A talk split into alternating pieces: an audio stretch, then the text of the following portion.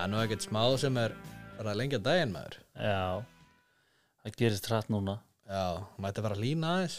Já, En Nú veist- fyrsti minkurinn komin í gildruna og svona ja, Þannig að það Fyrsti kom, vorminkurinn komin í gildruna. Já, það komið svona vor bragur á þetta sko. Já, ég er ekki frá því. Nú er náttúrulega bara að minka veiðina fara á fullt hjá okkur. Já, og hann að þetta er, þetta er mér finnst þetta ótrúlega skemmtilegu tími. Þetta er svona rétt áður en greinni vinsland byrjar og svona þetta er gefur manni blóðbræð á tennurnar og Já, bara svona skemmtilegt að vera í kringum árnar og svona þetta er alltaf, þetta er svo, þetta er svo misjáft einhvern veginn. Maður fylgist með þessu lifna við. Já, líka bara vassmagnið, þú veist, það er lítið í dag og, og mikið á morgun og þetta er svona, þetta er síbreytilegt allt saman. Já, algjörlega sko. Þetta er, þetta er einn af mínum uppáhaldstímum. Einhvern veginn ég er alltaf að segja einn af mínum eh, mér finnst sko vorið ógætlega skemmtilegt sumarið ógætlega skemmtilegt haustið ógeðaslega skemmtilegt og veturinn ógeðslega skemmtilegur. Þetta er, Það er svona árið er eitt af þínum uppáhaldstímum. Já, þetta er eiginlega bara orðið þannig sko. Það er eiginlega svona því meira sem maður finnur sér að, að, að veiða og bara svona það er nefnilega málið sko. Þú veist, ég maður bara eru byrjum eins og í vetraviðina tóinni að þá svona á allt inni voru veturni mig vera tölvöld skemmtilegri sko. Það maður ekki bara að hlaka til haustin sko. Já, það er bara þannig. Herðu, út af við erum búin að vera að taka svona uh, vörur frá veiðhúsinu sökku sem er okkar helsti styrtaræðili Já, Nú varst þú í fyrsta fyrst, fyrsta sísonið núna á rjúpunni með hérna rjúpnabakbúka já, vá Eddi, vá. Ég þarf að gefa þér svona rjúfnapoka þetta er hann að ég var með mjög góðan bakpoka að ég held. Bara alveg, alveg keiftan uh, í bandaríkjunum. Já, með alveg spenn, spennu í bakinu og, og, og tvöfaldafestingu yfir sig og þetta, ég held ég væri með þann besta. Já, en prófaði rúknavesti núna í hausti fyrsta skipti og og þetta er bara því líkum munur.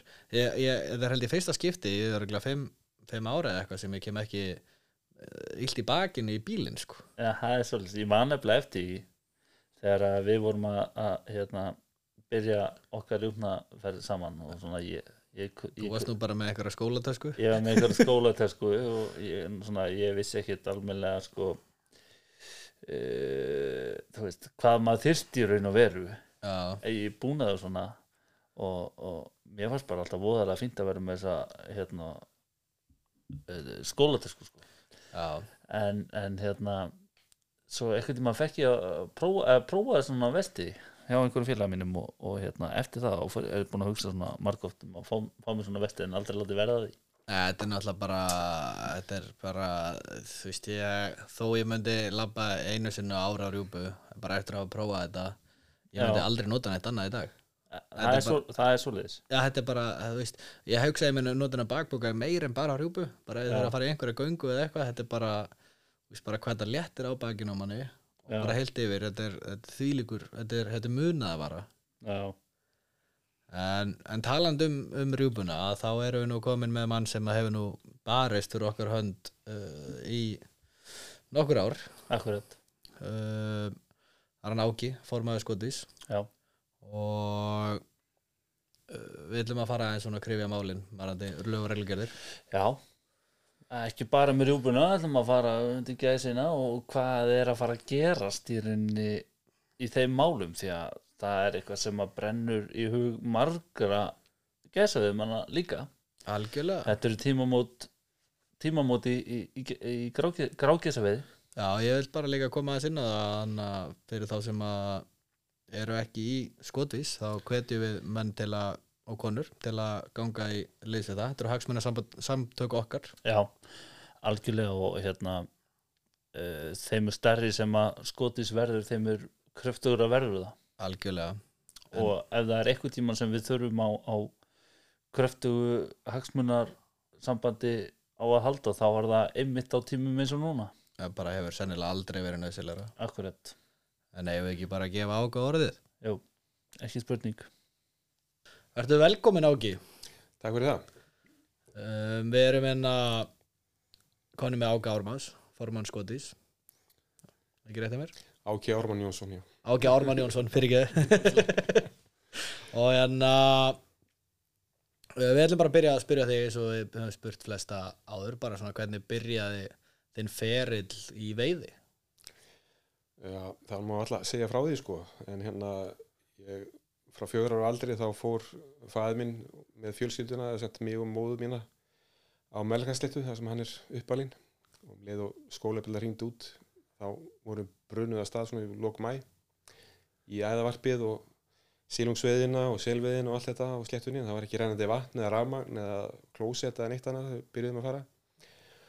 Og síðan fórum við heim í 3. september, þá byrjaði skólinn í gamla dag og það var bara lífa á landsins gæðum keft 10 lítrar af mjólk svona belju og ostur kannski smjör og síðan var hitt bara náði í lækin, má ég segja. Já, og ég held ég að vera svona 10 ára þegar hérna ég var maður að labba heima frá ötnunum og pappi var með 22 kalibra riffilinn og það var eitthvað kjóið hann að vesinast í aðvarpinu og hann var eitthvað pyrrar út í hann var eitthvað að skjóta á hann. Og síðan sagði, hann hitti ekki neitt hann, ég sagði, má ég ekki prófa? Hann sagði, jú, jú, og síðan skauti, skauti hann að tvö skot og síðan var hann eitthvað þannig að, heyrðu, kemur bara á eftir heim. Og hérna, að ég lagðist hann niður og skaut nokkur skotum viðbúð og enda á lán kjóin þannig að það var fyrsta veiðin mín Fjár, fjár ára? nei, nú reyndur hann tíu ára já, Já, ok, ok. tíu, ellefu ára, síðan Já. fór, fórum við að labba með riffil svona 13-14 ára undir handleyslu bræðra minna og máksmí sko já, þeir voru mjög strángir um leiðu ég gerði einhverja vittlis og þá var riffilin tekin að mér sko í eitt og daga, maður var fljótur að læra já, þannig, sko, maður vildi ekki að það myndi gerast aftur nei. Voruð þið þá bara að lifa á nótturinni þarna?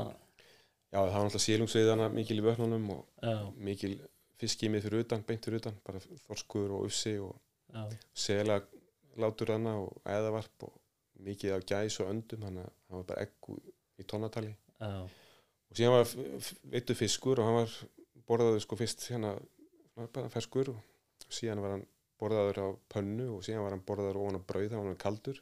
Já, majónisósu, síðan var restin tekin og sett í hlaup það var komið föstu dagur sko, þetta var komið fimm daga. Þetta hefur verið svona stæla í Ólofi þannig að svona, já, þannig að svona í, í lok sumar sá að maður bara maður fann þú líktin af svona sílónslaupi þá fekk maður bara svona ælum við Borðar þau silung í dag? Já, já, þetta er náttúrulega besti sílungur í heimi sko, náttúrulega þeir á sínum tíma ferðuðust hérna fiskifræðingar um hérna all landið, veittu öllu vötnunum og smökkuðu alltaf og gáðu einhvern Já, og ég held að þessi vötn okkar voru eina fáum sem fengu fimmstjörnur já ok ok. það er alltaf bara sjógengi sílungur bara sem er alveg eldröður á, á holdi sem fer beint í netinni leiðið í marflóni. Já, já, krabba og öllu þetta alveg æðislegt sko Akkurat. Uh, núna ert þú formaður skotís. Uh, hvaða ár tekur þú við því starfi? 1900 1918 já. eða 2018 Já, já, og hérna og það vildi bara þannig til að að ég hitti hana kunningja minn sem að, að frænda minn. Og hann spurði mig hérna sko ég sagði já ég var til í að vinna eitthvað fyrir skotu. Alltaf að þessar einslu var hættur í öngustofnun og, og síðan bara næsta sem ég veit tímundu senna ringir Indrið þá var þetta formaður í mig og spurði hefðu vilt þú ekki bara vera formaður? Ég bara vó en síðan bara já, sá ég hann að þetta þurfti kannski aðeins að taka til hendinni og hafði mínar hugmyndir. Þannig að ég bara ákvað að kýla á þetta. Og ertu búin að uh, breyta miklu þannig inn skotís? já, við komum inn með góða stjórn með mér Já, sem var svona sammála minni hugmyndafræði. Akkurat. og við byrjuðum alltaf með þetta fyrsta ári frítt.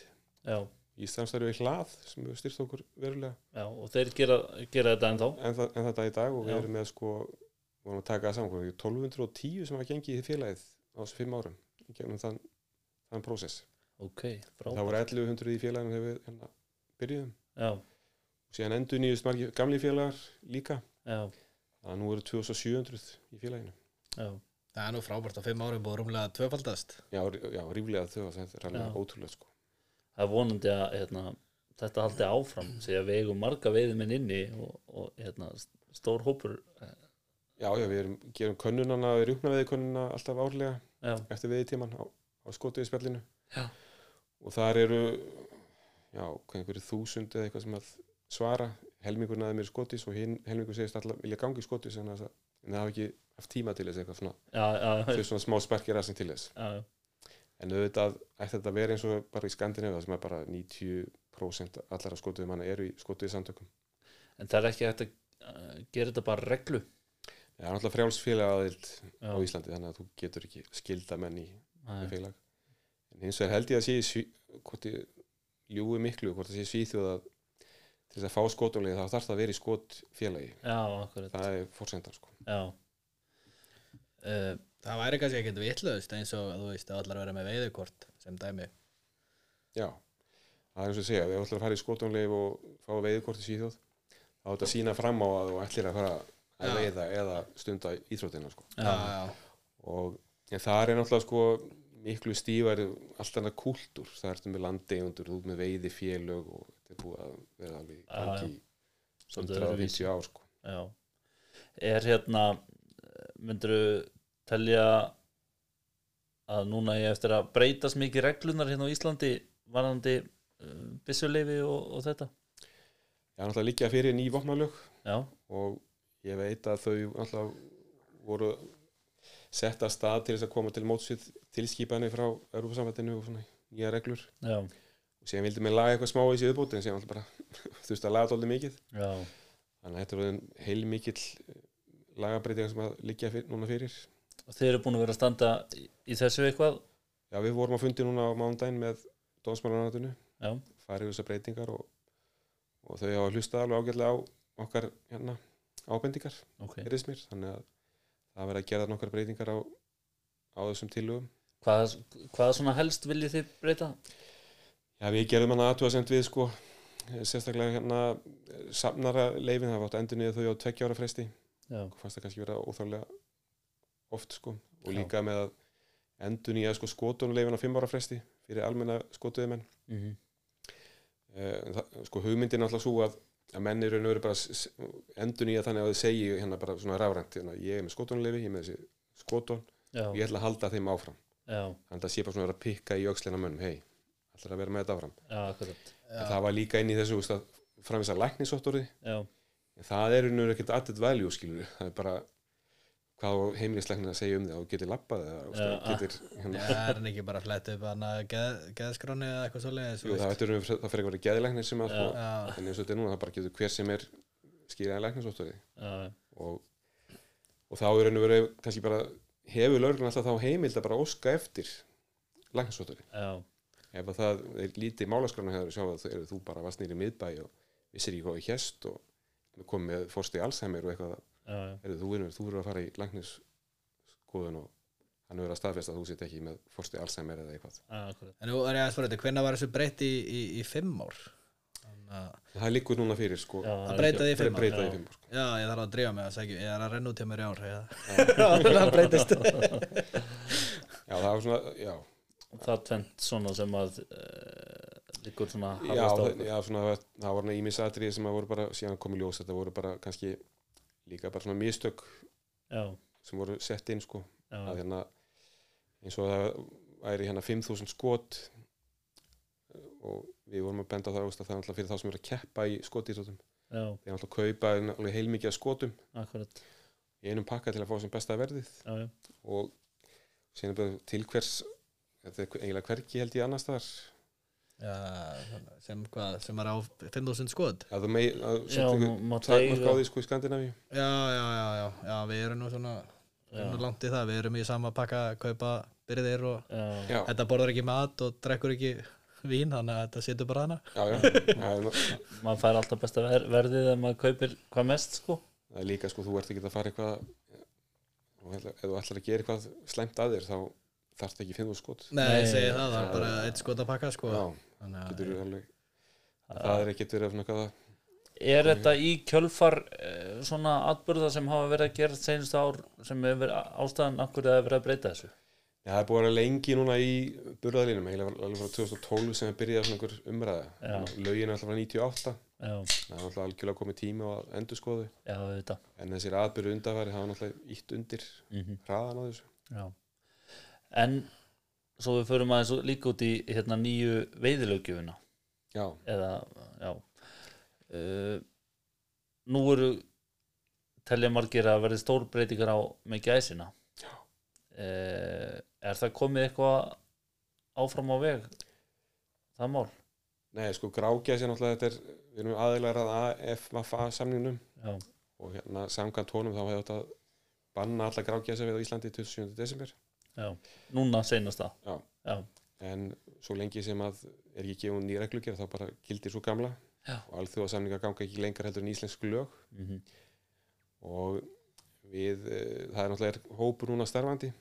Írar, Bretar og Íslendingar sem þurfa að setja saman stjórnunar vendarállun og hverjir eru þá eh, fyrir hönd Ísland þannig að það eru ráðuniti, það ráðuniti sem er já, ok, í þeim hópi. Já. þá með einhverjum sérfræðingur frá umhverstofnun og náttúrastofnun líklegast. Já, en ekkert sem þið komið að beint? Nei, það er ekkit en það er búið að segja og við erum upplýst um gang mála já, í starfinu.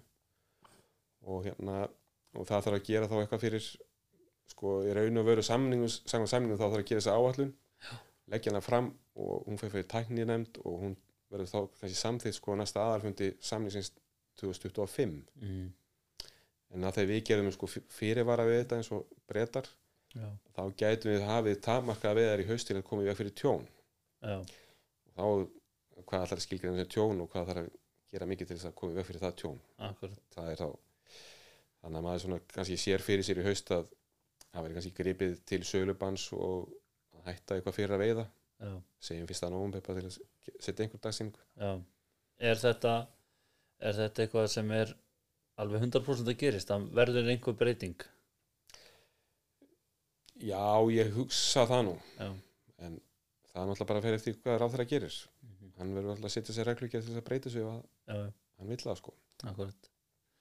Þetta er náttúrulega heljarinnar uh, sko ekki bara, ekki bara fyrir áhuga menn heldur líka fyrir uh, atvinnumenn bæði sem er að selja veiðileifi og, og þess aftar þá er þetta náttúrulega heljarinnar hagsmunumál já já, og hérna og tala ekki um þeir sem er að selja villibráð og, og, og þess aftar þannig að sérðu fyrir þér að ríkið sé að fara að bæt, borga ykkur bætur eða?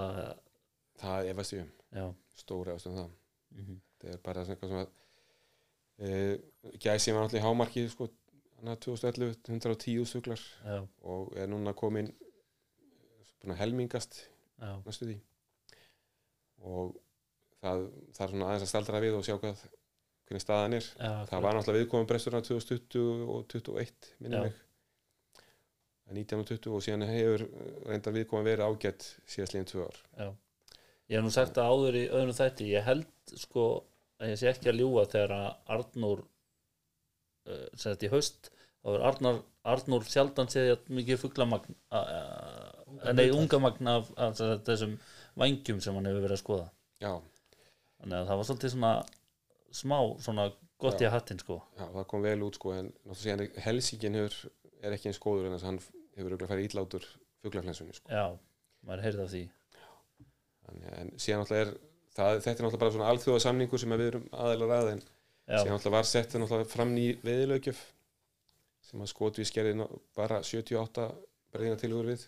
Já, og í raun og veru var bara spurningum um að segja bara að við ætlum ekki að taka þátt í þessu já, eða senda inn breytingatilhugur og við á, á endanum ákvæmum inn breytingatilhugunar bara til að sína fram á Hvað er hún komið langt? Svo, hún er ofan í skúfu það átti að leggja hana fram núna en mér skilst að hún verði ekki lögð fram.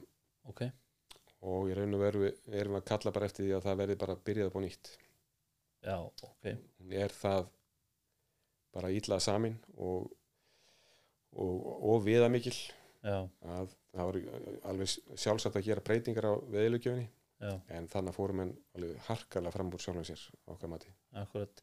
Mér minnir ég hafi einmitt lesið hana á sínum tíma og ég, ég held ég hafi séð einmitt eina, eina breytingu á hjá frá ykkur og það var varðandi fólki í hjólastól já, uh, þetta, þannig að þau það fólk muni geta nýtt, nýtt sér hvort sem það eru bílar, fjörhjól eða sexhjól á veiðum. Já. Það ekki rétt hjá mér? Jú. Þetta er eitthvað svona sem að mér finnst allavega að mætti koma sterklega inn. já, já, ég á, ég á fatlaðan son sem að Já, gæti nýtt sér svona akkurat þannig að hann getur ekki labbað langt Nei. eða mikið sko Nei. en hef- hefði kannski áhuga á veiðum já, akkurat hann var alltaf áhuga að skjóta af rifli en já, já, hann er ekki ennþá alveg komin í, nei, nei, í veiðina nei, nei. en það voru fleiri breytingar sko sem að hérna okkur fannst ekki vera eins og veiði lögga sko já, sem að við skotum við hvort kerði átt að borga. Já, og sent veiði lögga sem hafði enga heimild að mandata til að gera neitt annað en að ringi í lögguna. Já, og þá er sönnunarbyrðin hver, hver er hún, hún við komum til gæti ekki sko, stoppað neitt veiðimann eða sagt hann að býða meðan löggan var að koma. Já, eða gert eitthvað upptækt eða neitt sko.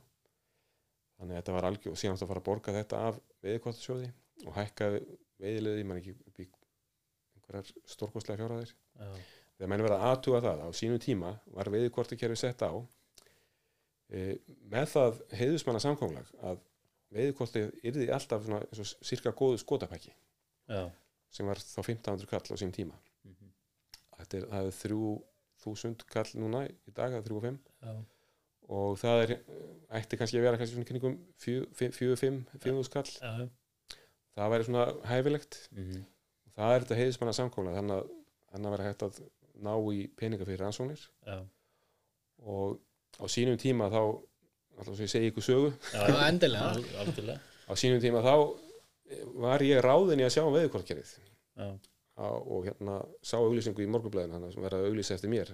Það vantaði allt nema bara skóstæðin vantaði hann inn á auglýsinguna. Og ég sótt um og, og hérna bara frábært. Veðistur ennbætt á Akureyri, ég var til ég að fara til Akureyrar. Góða Já. rætur á norðan og svona og síðan spurði hann áspum veðistjóra hvað það væri eiginlega svona aðar starfið það er að sjá um veðukortkerið ég sé bara takk fyrir mig. Ég sé þið bara sinna. Já, ég teki ekki þátt af þessu kjæftæði þannig að heyra þessu, þetta er algjörst rugl já, og hann lítið með hafa sko reglugerðum við kortinu og svona, baðum að lesa þetta og síðan hringdi ég náttúrulega í hann daginn eftir og sagði bara, heyrðu, ég til að taka þetta starf og var alveg svo Ragnar Reykjás bara. Já, þetta er besta kerfi ever. Ég sagði, svo lengi sem þetta virkar eins og á að gera já, en um leið og hættir að virka eins og á að gera og fyrir eitthvað veist, gjaldi fyrir við að gera vestfjörðum eða, eða veist, allar eh, tegundur af friðar eða veiðuturnar og svona hins einn já, þá er ég hættur. Við mun berja skegn þessu kerfi já, eftir það. Og, og það er það sem ég ætla að standa við og hérna, þetta er mjög gott kerfi og náttúrulega hefur sínt sig að þetta er besta bara ég ætla að segja það, þetta er besta veiðukortakerfi í Evrópu, ég hef bara séð það. Mhm, menn eru skildar hérna að skilin veiðutölum já, veiðutölunar eru mjög réttar. Já, það er gagnast mjög vel í hérna veiðustjórnun já, og við erum til fyrirmyndar. Og þetta sé að 95 strákar, núna eru sko breytar og frakkar þeir eru hérna, þeir fá sína veiðutölum að gera könnun. Það er veiðutöluna þeirra Sem bara náttúrulega enga við réttar. Nei, bara gefa mjög litla myndaði hvernig Mhm. veiðin er. En er ekki verið að byrja að nota þetta aðeins gegn okkur núna í dag eða? Nei, það er sko það sem að það, sko, þetta byrjaði náttúrulega mjög illa. Því að það kom í ljós að að vera að skjóta einhverja fjögur fimm úr strafna já, þá bara raus öllu, það er verið að fríða hrafnin og ég segi bara af hverju? Ef það er verið að skjóta ógeðslega mikið af hrafnum og það er ógeðslega mikið af hrafnum til þá er bara eitthvað aðeins stoppstara tölum. Já, Mhm. og það kom náttúrulega í ljós að, að það var bæði það vantaði inn það var bara gamalt mat á hrafninum, það þurfti að gera nýtt mat. Mhm, og líka það að menn voru að skila skildu ekki alveg við hvort það gerðu í byrjun. Þeir voru kannski þrý saman að, að veiða já, hrafna. Og fyrir heilt sveitafélag komið upp fyrir tjón skuðu kannski 250 hrafna saman. Og síðan skiluðu þeir allir 250 hrafnum á já, veiðuskýrslu var koni 750 hrafnar en ekki 250 akkurat. það var svona dálítið svona þetta feedback sem við komum með til veiðimann að, að menn ættu að tala sér saman og svona það var bara nóg að einn myndi skrifa töluna eða skipta henni niður. Já, og í hitt skipti sem að sko sem veiðutölunar voru átt að nota, nota gegn okkur inn að gæsalappa og svona algjörða grágæsalappa en þess að það út af grágæsinni. Mm, 2001 ef ég mann eftir ég mann rétt. Og þá hafði henni fækkað svona og við vorum með veiðutölur upp á 35-40 skæsir. Já, og breytanir skotanir sögðu bara hefur eru að bara ganga frá þið eru að veiða allt og mikið já, og þetta er bara einhverja 60-70 úrstu grágæsir hérna og þið eru bara búin að eyðin upp á 5 árum. Og þá var náttúrulega tekin svo afstæða þetta, þetta eru skotanir geta hugsað þó þetta er ekki mikið viski þá sögur hérna við skulum bara samt tjekka, þú veist, annarkot eru veðutölunar ykkar rángarar réttar og annarkot eru talningarnar okkar rángarar réttar. Já, þannig að þið kannið áralega veðuteluna og við tekkum á bara okkar tölum. Og við gerum reysakönnun 2001 rýndum í þúsund veiðmenn og vorum með svona doppul blind samtal reytarinn okkar rýndi í einhver já, sem við vissum ekki hver var og það var gefið samband okkur og við vissum ekki hver var að fara að svara. Já, ah, þannig að við gætum talað saman alveg í trúnaði og þá kom í ljós að það voru 97% réttar viðtölur í Íslandi. Ok. Og þetta var dálítið eins og hérna maður var að tala við minna var þetta dálítið eins og hérna bróður minni sem er lúnasefræðingur já, hann sagði sko að þekki allir þess að þrjá menn sem að reyktu alla ævi en fengu aldrei lúnakrabbi minn mhm, og það var eins og með hérna skotuðu minna þeir þekktu alla þess að þrjá sem að skiluðu aldrei réttu viðtölum það var ekki þeir sjálfur þannig að það var svona já ég veit, ég skil alltaf réttu en hérna hann Siggi. Er hann í sveitinni? Nei, nei, nei, nei, hann er hérna lengst í burtu. En ég veit að einhver saði mér að hann var ekki skil þannig að þetta er, og þá kom í ljós að grákja sinna á Breitlandi, hún hafði bara fyllt upp sín talningarsæði þannig að hún var bara komin út um á miklu fleiri staði, þannig að þegar upp að staði þá, þá fór held ég sko stoppstæðartalin upp í veljur 100 á stugla er, þá gekk þetta upp sko stoppstæðarlíkanið já, er þetta eitthvað sem er veist, ennþá verið að gera eins og núna? Veist, er þetta bara orðið alveg sko þá var ekki þessi AFFA samningur. Nei, nei, þannig að sko það sem er gallin við hann er að þá fer í gang svona bara sjálfkrafa friðun mm, og þetta er eitthvað tíu ára tímabil. Og ég er, ég er mikið, mikil talsmaður alþjóðasamninga og verndunar og, og allt þetta sé í lagi. En þetta er náttúrulega bara rugl. En þess að verður að horfa á gögnin og verður að horfa á tímaskalan mhm, á hvað þetta að horfa sko, hérna, gæsin var bara 70 suglar 2002 já, og síðan fórum við 110 sugla 2011 og núna er komin í, í 50-60 sugla kannski bara 60-70 þúsund fuglar normið. Já, svona til lengri tíma litið. Ég held, ég held að stofnin sé stærri heldur en þeir telja. Já. Þa, það er mín sko ég er líka bara sammálaði, þú veist, maður er búin að veiða núna í já, þú veist, það tók ekki nema 11 ár. En mér fannst núna í haust þetta er bara, bara mér fannst alveg rosalegt magna af grákjæs mér fannst minna eins og segir að Helsingja. Mm. og mér fannst jafnvel aðeins minna bleskjæs líka sko heldur en hefur verið sko. Er, er það möguleiki að fugglinn sé farin og við vitum það svo sem alveg að fugglinn er farin að vera meira hérna á Íslandi.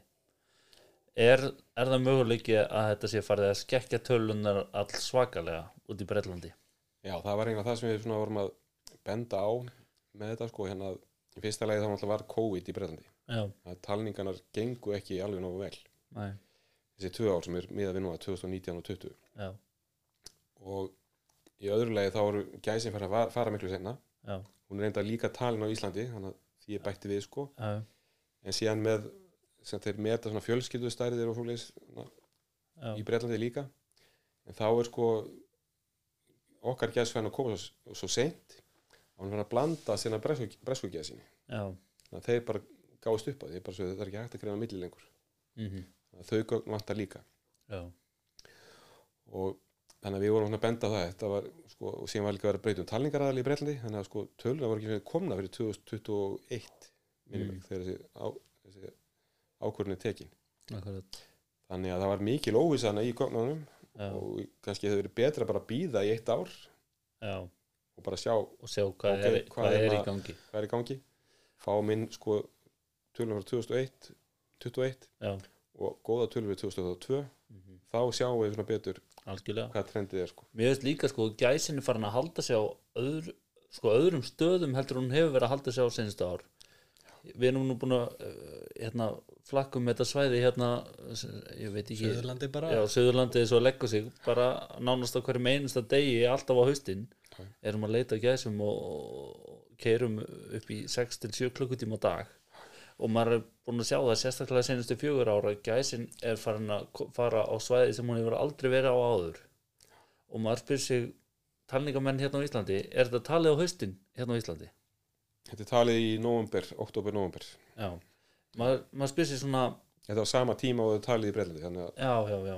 Hvort að þú veist, þetta fólk sem er að telja hérna á Íslandi hvort að það sé í alvörinni að fara á þessa staði, þessa staði, þessa staði auðvitað ringja veiðumenn inn einhverja tölur og þess áttar en, en þetta er bara orðið svo gigantist svæði og með við það að við séum á ferðinni hérna bara á hverjum einsta degi og við höfum að aldrei séð við höfum aldrei séð fólk vera að telja. Nei, nei, það, ég held að sko þetta er gert úr flugvél ef ég mann það rétt. Það er svoleiðis. Það flóið yfir svona helstu sæðin og tekna myndir og talið sko. Ok, að menn, það, eins og sé, það er valla hægt að keirum alltaf og telja já, á einhverja myndaði þannig sko. Já, já, en alltaf það er svona stóru flekanir upp í þykkabæ og svona já, já. þessum stöðum sko. Mm og það er nærðu svona 90% síðan er alltaf menn beðnir um að ringja inn eða sjá eitthvað. ég, ég reyna að senda yfirleitt á, á Arnur sko. Maður sér eitthvað, þú veist, svona óeðlegt sko, eins og til dæmis að upp á, upp á skeiðum í haust sko, það, það er alltaf fuglinn farin fyrsta nóvumber það er bara alltaf farin fyrsta nóvumber En nefn í haust, þá bara En það er þetta sem að svíjar eru til þess að nýta sér. Það er, úst, að í staðan fyrir að vera með sko rannsóknarmenn sem eru á dagpenningum, axturspenningum og tímalunu og örlöfi og eftirlunum, já. þá nota þær veiðmennina. Mm já, Þegar þegar, það eru veiðmenn út um allt Já. í mörkinni og með því að bara úst, að hafa svona crowdsourcing að þá samna þær sama gögnum já, og geta sagt sko, já eins og þið eru að bara segja mér. akkurat, Já, Þá, þá byrjuðu skilaði gögnum minni eitthvað gátt já, og þá er þetta að það saman milli ára. Eins og til dæmis við höfum verið að gera með hérna könnun okkar eftir rjúknaðið tíman já, að það hefur komið út bara núna verið þriðja ár sem við gerum þetta. Og það eru komið bara mjög skemmtilegi trendar þar út. Já, og núna getum við eiginlega sagt bara strax eftir rjúknaði tíman hvernig rjúknaðin gekk. Já, og það í stæðan fyrir að býða fram í sko apríl-mæ já, á hverju ári að segja eitthvað um þetta ef veiðutölunum er komin inn. Já, þá bara vitum við núna bara já, þetta var. Þannig að ef þið viljið spyrja mig um hvernig rjúknaðin gekk þá getur sagt við það endilega við komum að því eftir við langar bara aðeins að en, en það sem þú ert að koma inn á en þetta er náttúrulega bara veist, ef það væri að setja upp eins konar, einhvers konar app eða eitthvað áleika þetta er náttúrulega bara briljant hugmynda því að þú veist, það eru það er skotið á svo mörgum stöðum í einu skilur Já. að þú ert að fá rosalega réttar tölur svona, eða svona grófar tölur allavega að ef þú væri með einhvers konar skráningu Já. og það er, það, það er svona þessi langstæsti draumur hjá mér sem formaður skotis það er að komast á þennan stað.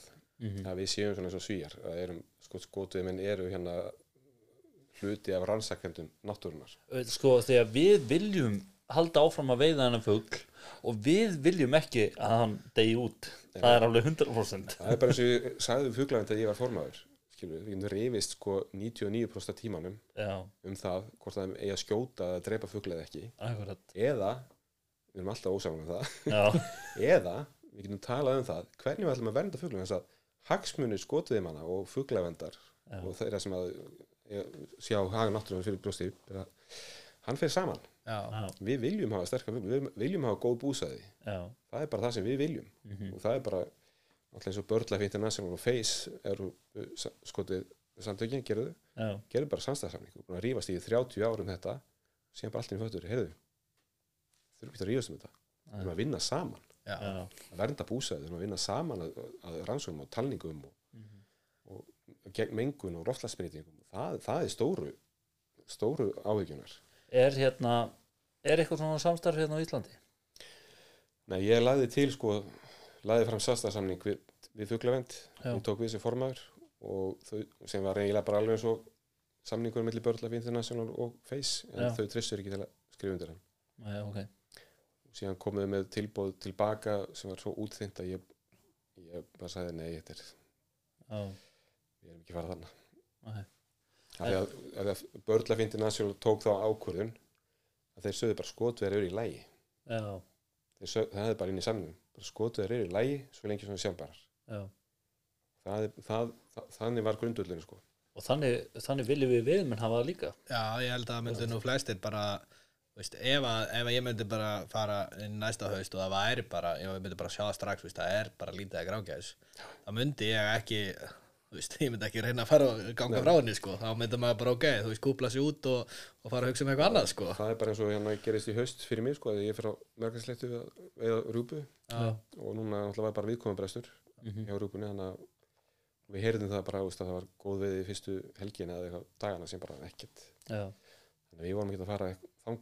að vega rjúpu. Nei. það var bara ekki inn í myndinni sko. Nei, ég meina, maður er alltaf, maður er alltaf að hugsa um náttúruna þó maður sé að veið úr henni, maður er bara að nýta þessu öðlind Já. að, það var bara eins og hérna ég var rannu upp að mér slittu við sko.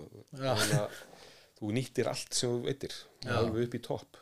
Og þú fjast ekki að veiða eitthvað allar ekki veist, þetta skoðist kjóð, þetta er að borða hann sko. Það var ekki, Og- og- og var ekki undarkoma hvernig smakkaðist hann? hann er mjög fín bestið er svona grillmatu sem ég fæ eiginlega sko. Það er svona blanda af rjúpu og sartugli já, ok. það er svona og að skjóta hann í eðavarpi til að venda komið við okkur í tjón og, og nýta hann ekki það er náttúrulega bara leðin sko. ég man eftir þegar bróður mér var hann er nú nokkur 13 ára eldri en ég sko. Já, hann var komið skotunlíf hann 20, 21 árs rosa glaður fór út og skaut tvo seli. Kom í land og voðalega reikinn og tók pappa mótan og sagði jæja, Pétur minn, nú þarfst þú að gera þessu. Og hann var fram til klokkan fjögur um nóttina að gera að honum og spýta skinnið og síða reyfa og allt og vesenast hann skaut ekki sel í mörg ára eftir sko. nei, þetta var bara, veiðin var rétt að byrja þegar það var búin að veiða skjóta selin sko. Það er bara og maður þekki sjálfur maður það er svona aðgerað kvíða sko ef að já, vel gengur. Já, Já, já, já það- En, en mér langar hann að uh, núna að henda mér yfir í rjúpuna, hvernig gekk? Já, rjúpan sko fór eiginlega bara alveg eins og má að segja að maður bjóst við í haust af því að Vesturlandi var á upplið og það var ágætið sníluðum þar. Já, þannig að Vesturlandi kemur mjög vel út núna. Og Vestfyrir líka bara þokkalega vel og Suðurlandið líka. Og Austurlandið kom furðulega vel út. Maður hef- hefði haldið sko viðkomum næði þangað yfir sko. Já, En Norðausturlandi er bara eiginlega, það er aðeins fjölgum frá því fyrir en ekkit með hvað, þegar stofni var mjög stóri í vor, mjög góður í vor. Já, og hefði átt að vera mjög góð veið í haust ef að þessi viðkomaprestur ekki verið. já, Og það er auðvitað veðið tölum að hann kom hann að sterkur inn sko, það var bara, það var bara eiginlega stöðnum sko. Já, og það kemur mjög skemmtilega óvart ef að sko talningar í vor myndu sína einhverja fjölgun. Já, frekar vona að það sé stöðnun eða fækkun á þeim sögum. Já, en á hinum svæðanum er þá og Norðvesturland var líka það var eiginlega sko f- f- aukning í veiðum all land en langmest á Vesturlandi. Já, þannig að veiðin á síðasta síðasta haustu er svona í kringum 35.000 40 stuglar já heldina er það svipað og, og síðastliðin ár eða, var 27.000 í fyrra. Já, og kvótin núna í ár var 28.000 já, en við, eins og við bentum á þá náttúrulega er miða við nýliðun á já, Norðausturlandi.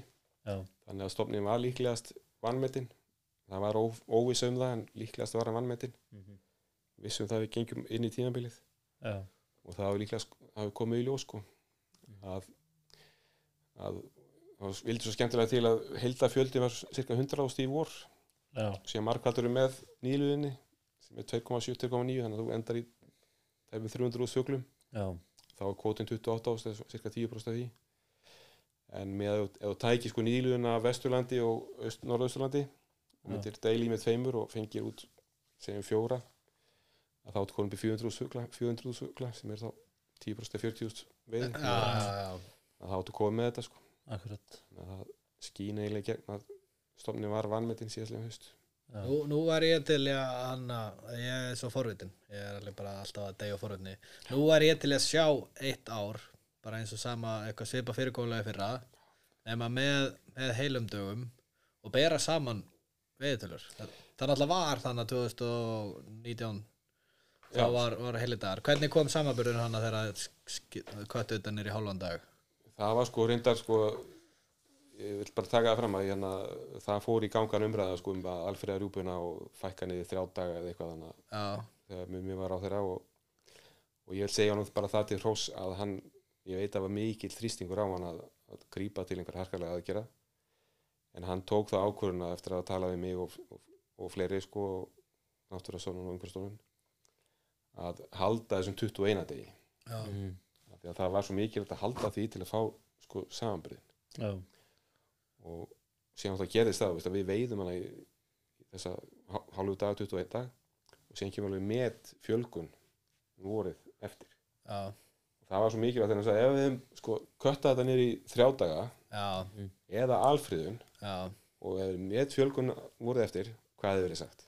Það er bara að vera öllu spjótum beint á okkur. Það var bara þetta veiðin sem stjórnar öll já, veiðin stjórnar ekki raskat sko og það kom alveg ljós að það veitt hana kvótu var 20.000 átjáð stöklar og veitum 28.000 það skipti engum máli. Nei, og það er núna er verið að vinna stjórnar og endar allir fyrir rjúpu og það er bandarsku sérfræðingur kominn t- að vinna með okkur. Já, og uh, við erum alltaf búin að halda því lengi fram. Skotvís að fjöldi leiðilegar veið þetta skipti ekki máli. Mm. Að menn farið þrjá fjóra daga og 95% stöðum mann að gera það. Veiða bara sínar 5-7 rúpur já, ég held að sé bara herri prósenda sko. já, já, og bara þú kemst ekki, þú bara með börn og þú ert með vinnu og Já, er bara- helg, kemst um helgar og það er brjálað yfir eina helgina. Það er ferming eða útskrift um þann eina helgina og, og Barnafmæli barni veikt og barnamali já, já, þannig að þú nærða sér einu helgi kannski. Já, og kannski einum degi eitthvað ef að, að vel he- gengur já, í viðbót.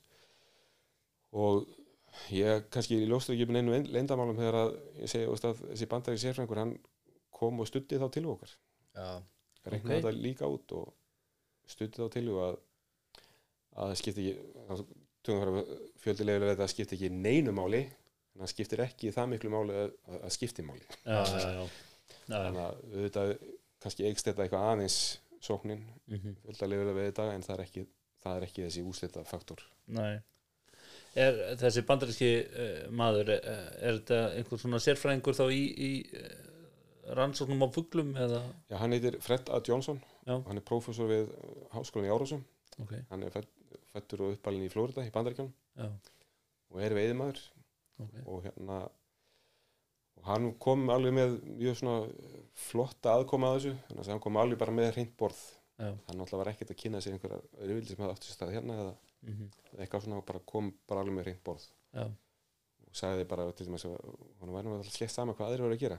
Hann ætlaði bara að horfa á þessu gögn já, og meta þau og koma með einhverja tillögur sem bara sem er sínd gögni að vera að sína mhm. Og er þessi tillega tilbúin eða? Nei, hann er að vinna aðeins núna. Já, við sjóðum alltaf á að gera eitthvað fyrir haustið. Þá þetta er tilbúið sko í miðjan mæ af því að síðan alltaf koma sumarlefi og, og vesinn og mhm, það gerist ekki neitt í ágúst. Nei.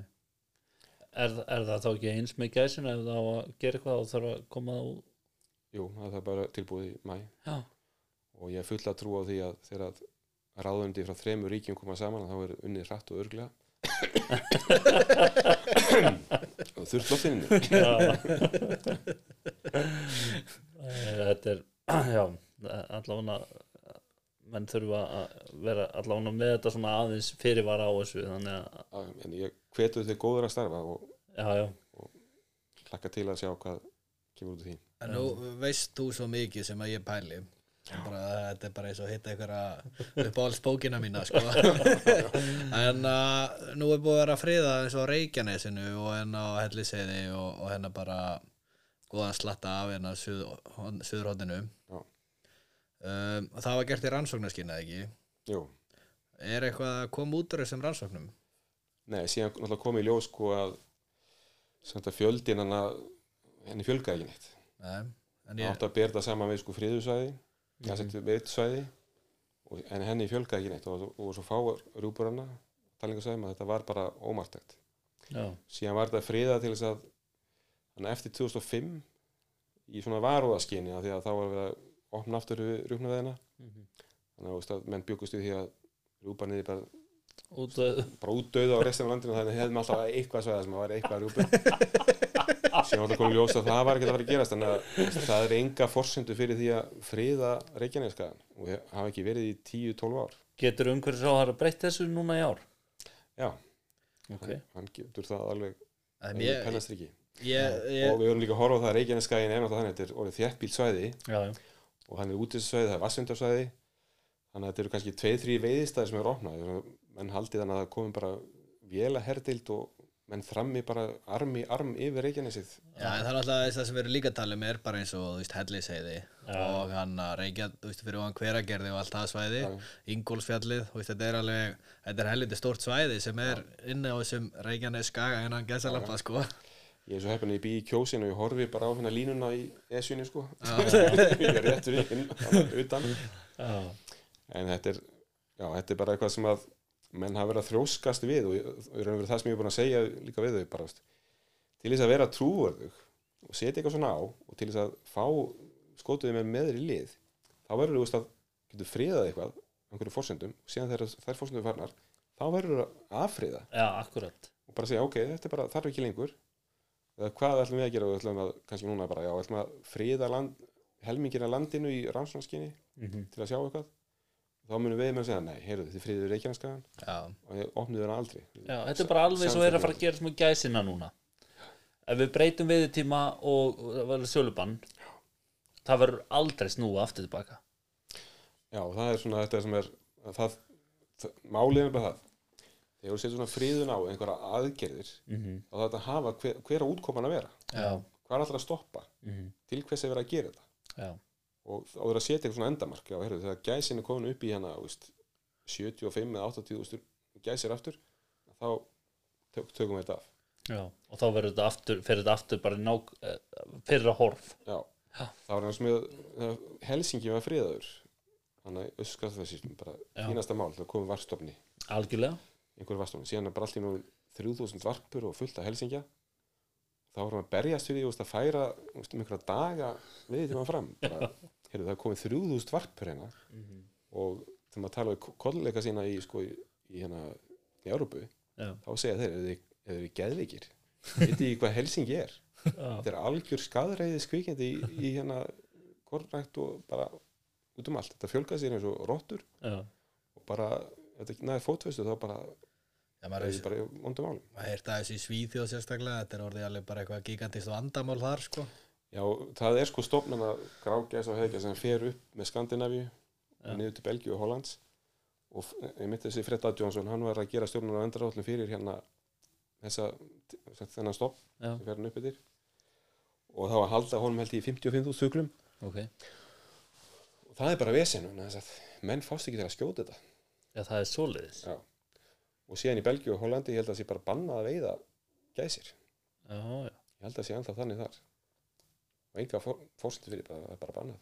Já, og, og síðan í Nóri þá er menn bara hvernig skýtum að gæsir? Og í Danmörku bara ha, vakna á nóttuna og skrifa út í skurð? Nei, það. Er einn og einn svona aðli sem maður hefur séð sem er að stundi vera þarna og þeir eru líka bara að killing it sko, þeir eru bara virkilega að já, þetta- salta hann niður sko. Hérna danski formaður skotuði sambandsins kom hérna þreymur á síðan og ferðaði upp í Ísland. Já, síðan kom hann alveg bara rosalega spenntu tíma og sagði, heyrðu, þið eru svo sniður þið eru búin að gera svona gæsaborgara. Þú veist, það var æðislega bara að nota villibráðan í bo- hamborgara, getum gert þetta í Danmörku og hérna fengið menn til þess að reyna að skjóta gæsina ég bara, já, ok. Þannig að nú, nú kannski verður þetta þannig að, að með gæsina að hún verður flutt inn frá Danmörku og, og, og Svíþjóð. Eða verður komið sölubann hérna á hana. Það var eitthvað svo leið sko. Já, það menn bara fari í leiðir til, til Danmörkur og Norris að skjóta hana sko. já. Þetta, þetta geti enda þannig. Allan fyrir þess að stóra aðila sem hafa verið í þessum matarbusiness já, já, með gæsina En ég veist samt Anna, ef ef ég væri aðeins að hoppa aftur yfir á rjúbuna Þú veist eins og til dæmis með þessi svæði sem ég var að nefna á hann að, þú veist, eh, veistu á þessu tíma vor, já það er náttúrulega eins og þú sagðir þeir voru rættur um að, að við myndum bara þurka landið á rjúbu hann á einu, tveim árum. Já, já. og nú er það búið að sína sig að það er ekki séns. Um, líka eins og með þessi svæði þú veist, nú er öruglega, þú þekkir öruglega tölunar en, en, en það er öruglega meir en helmingu skotið mann á Íslandi að minnstakosti sem býr á höfborgarsvæði, það ekki? Jú, jú. þú veist, ég efast um það að þetta myndi, þessi fjöldi myndi allir þramma á þessu svæði, þú veist, það eru flestir að fara í ferðir eða leia sér fjallakofa eða eitthvað svona að gera gott úr þessu. En þetta er frábær staðsending til þess að skreppa eftir vinnu.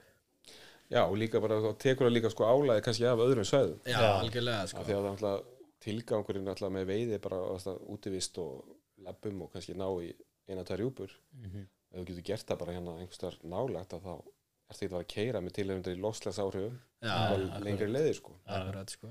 Og það er það sem að rannsónur í Svíþjóð hafa sínt að hérna náttúrulega villibráð hefur langlegsta kólinsfótsporið af öllu mat sem græmmeti og allt það, það er miklu verra sko. Já, nú ert að veiða villibráði þínu næri umhverju þá er það náttúrulega bara alveg æðislegt sko Já.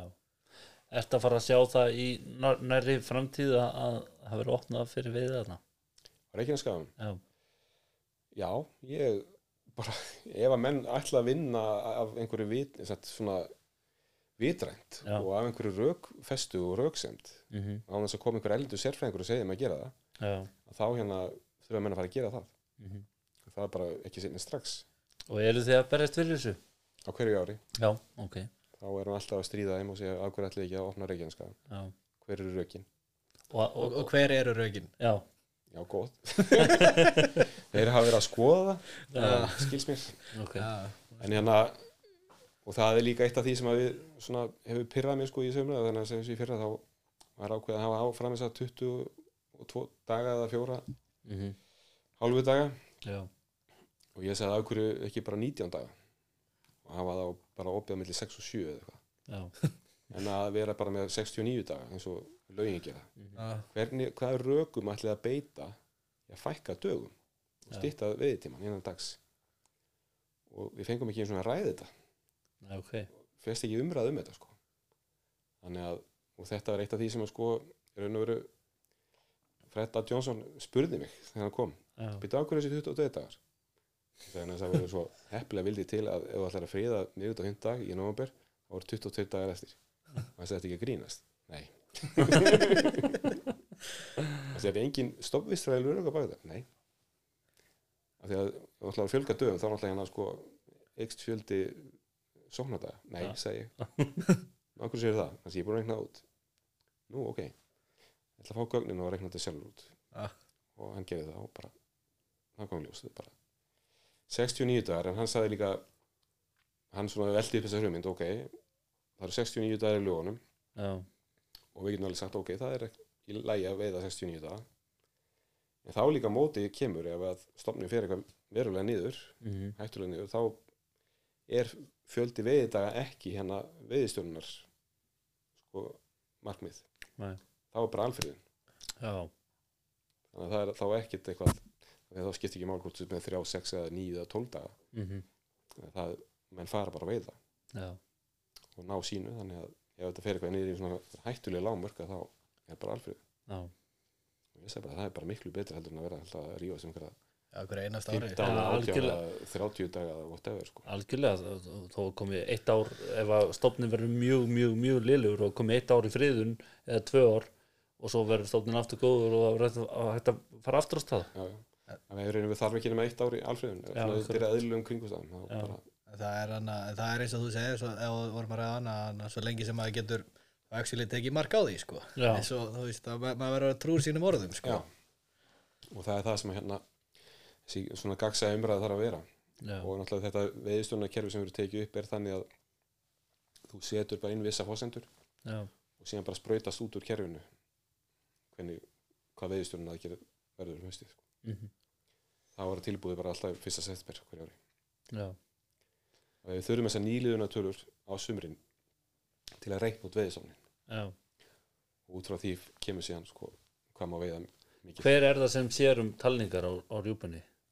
Það er náttúrulega stormin sem að segja um það. Já, og það er eins með gæsina og, og þetta. Já, Arnór hefur að ústað, telja, en náttúrulega bretanir telja út í Bretlandi. Já, og það er það sem við treystum á mhm, með gæsina. Já. En síðan náttúrulega höfum við skotvist verið með eitt talningasvæði já, í hérna hrútafiði, ok. Talið þar á hverju ári. Já, og kosta það sjálfur þeir, kosta, þeir kostið það sjálf? Já.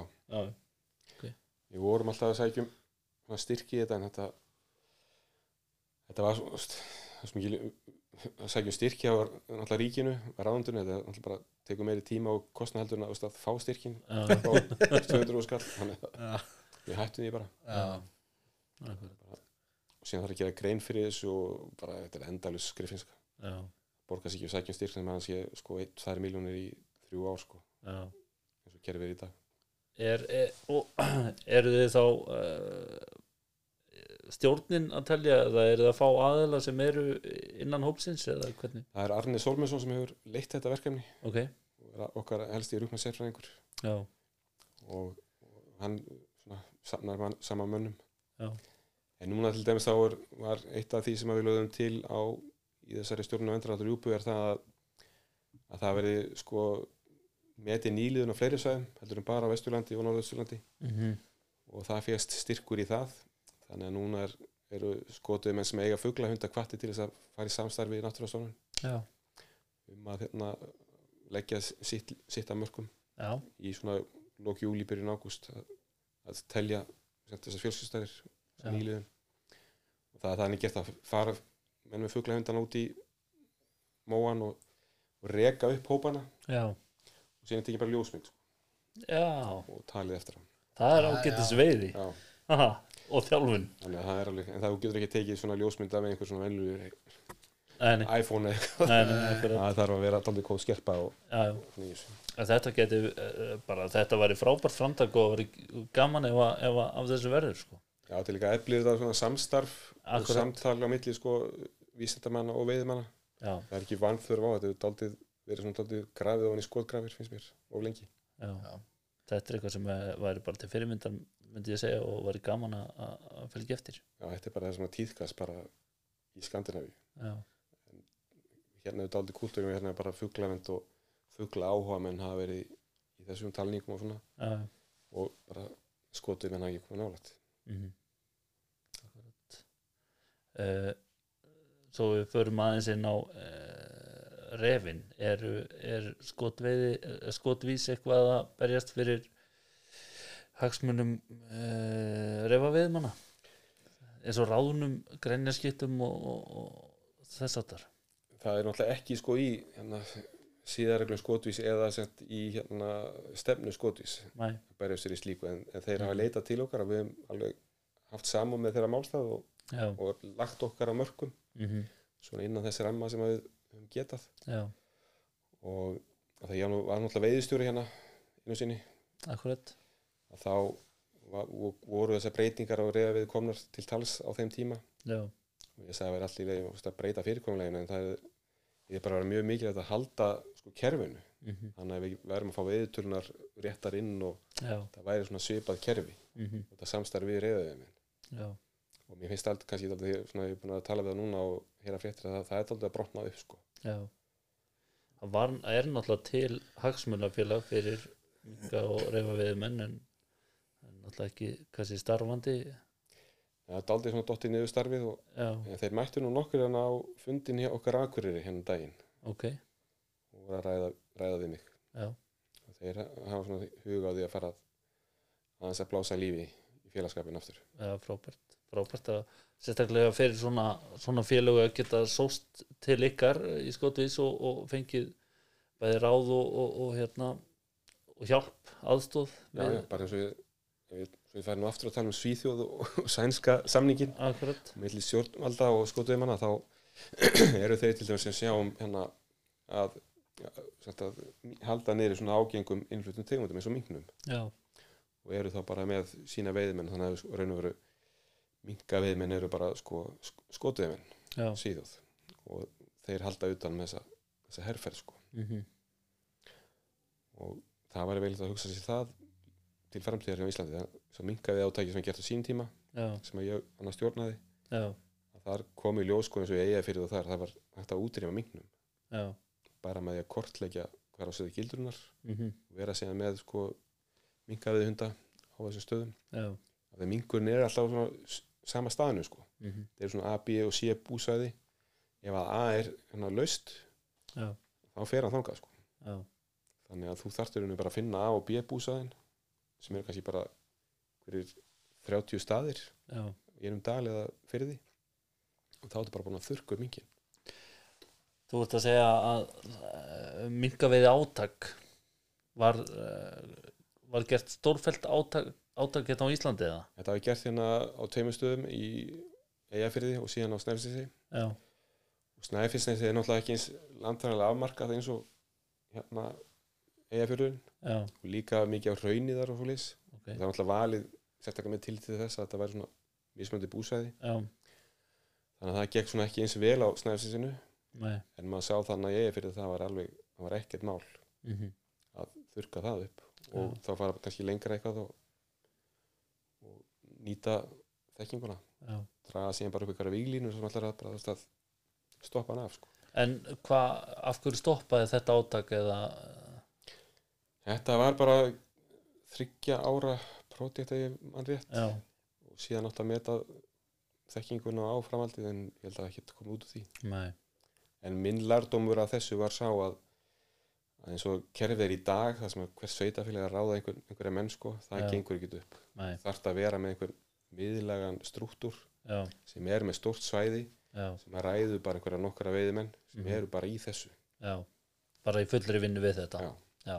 Kostnæður verið aðeins herri, mhm, árangur er miklu miklu meiri já, Já, við erum alveg, alveg sammála því Já, ég, sko. bara- er hérna- þetta er svolítið þú veist að því að þú ert kannski að bara segjum sér dæmi að þú ert að sjá um einhvern rep og, og, og þú ert að gera allt sem í þínu valdi stendur bara því leggur á því alla vinnuna og, og síðan er bara frændiðin hinum ennum ána sko sem að gera ekki neitt Já, þetta, þetta, þetta gerir engan langtíma árangur sko nei, nei. þú þarft að vera með allt undir Já. og líka af því að þú þarft að vera með svona stótið starkkostnað Já, að kaupa 100 gildrur og þú þarft að vera með sko hunda og Við erum að sjá um uh, minkaveiði í, í lagsveið á hérna í uh, efri hreppum svæðinsins okkar og hérna og erum búin að vera núna í þrjú ár svona þrjú, fjögur ár uh, að vinna í þessu og erum uh, að reyna að þróa okkar svona kerfi áfram og hérna við sem þetta byrjum uh, en sjálfur með gildrur í, í, yfir svona helstu, helsta tíman og svo fáum við til okkar e, snorra sem er með minkahunda. Já. og hérna fáum hann til þess að fara yfir svæðið. Og við erum, erum farin að sjá árangur af þessu. Bæði það að þegar hann fer yfir með hundunum þá erum við að sjá þessi búsvæði finna þessi búsvæði finna skildrustæði og, og þess áttar Já. og svo eh, leggjum við gildrurnar þegar við, búa, við erum að nákast einu, tveim, þreim minkum með hundunum. Og svo leggjum við gildrurnar og erum með gildrurnar restin af ár, árinu. Og þannig við- höfum við allan verið að ná bestum árangri. Já, það er svona fórum í, í svona hönnun á, á gildrum og svona. Og, hann, og þetta er þú veist við erum síðan bara í góðu sam, samstarfi við veðfélagið og þeir láta okkur vita af öllu sem að sést sko, að þeir við náttúrulega ráðni til að þetta sjáist ekki. Já. Og það er bara þú veist við, ef við erum með línuritt sko, þá væri það bara góð leið niður sko. Já, gaman að segja frá því að það var einmitt snorrið sem ég réði því snæfsinsið sem Já, tíma. ok, ok. Af því að það var líka hugmyndið sko að hann var alveg nýr þá Já, nýbyrjar mm að við vorum líka að veiða svona mertaminka. Já, að hann mátti ekki vita sko hvað að það höfðu verið gildröðu menn sko sem höfðu verið að hjálpa til við að og merkja sko. Já, hann mátti ekki vita því sko. Þannig að Ok. er alltaf svona doppel blind sko já, já, kemur svona út úr því. En það var, það er akkur þetta sem það var gert sko í eðfyrin sem það lagði til sko og keftar 100 gildrur já, 200 síðan það lagðar hann fullt af stöðum. Já, hann að liggja í sko í tvö ár sem vitað. Mhm, og mertin á kort. Og út úr því kom bara þessum 200 gildur hann var að veiðast kannski í í 10-15 af þeim. Já, akkurat. Bara með að taka hinnar í burtu færa það síðan á næsta svæði Já, kortleggja það. Þannig getur bara haldið áfram. Þannig að komum bara kortlægningu af öllum helstu veiðinsuna þegar eins og maður veit bara merkingsleitu það er allt morandi í minkana sko. Og hann er alltaf á sömu stöðan já, þú bara lappar bara kom hann að minkaði maður í fyrra nýr mhm, bara með að lappa með sér. Og ég bara gekk með hann bara þrjú grein. Ég sagði bara, það alltaf minkur þarna. Að læða og það er ekki séns að ná henni. Já, við náum, ef við náum kvolp þá erum við góðir. Já, setjum við kvolpin í hérna í gilduru já, og bara förum. Við erum ekki farin í, ég var með Þorvaldi hérna Björnsinni, Mm. einu sinni hana einmitt á þessum stað í sjö tíma. Já, og Þorvaldi segi, ég get alveg náða sem ekki, ég segi, nei, það er ekki séns.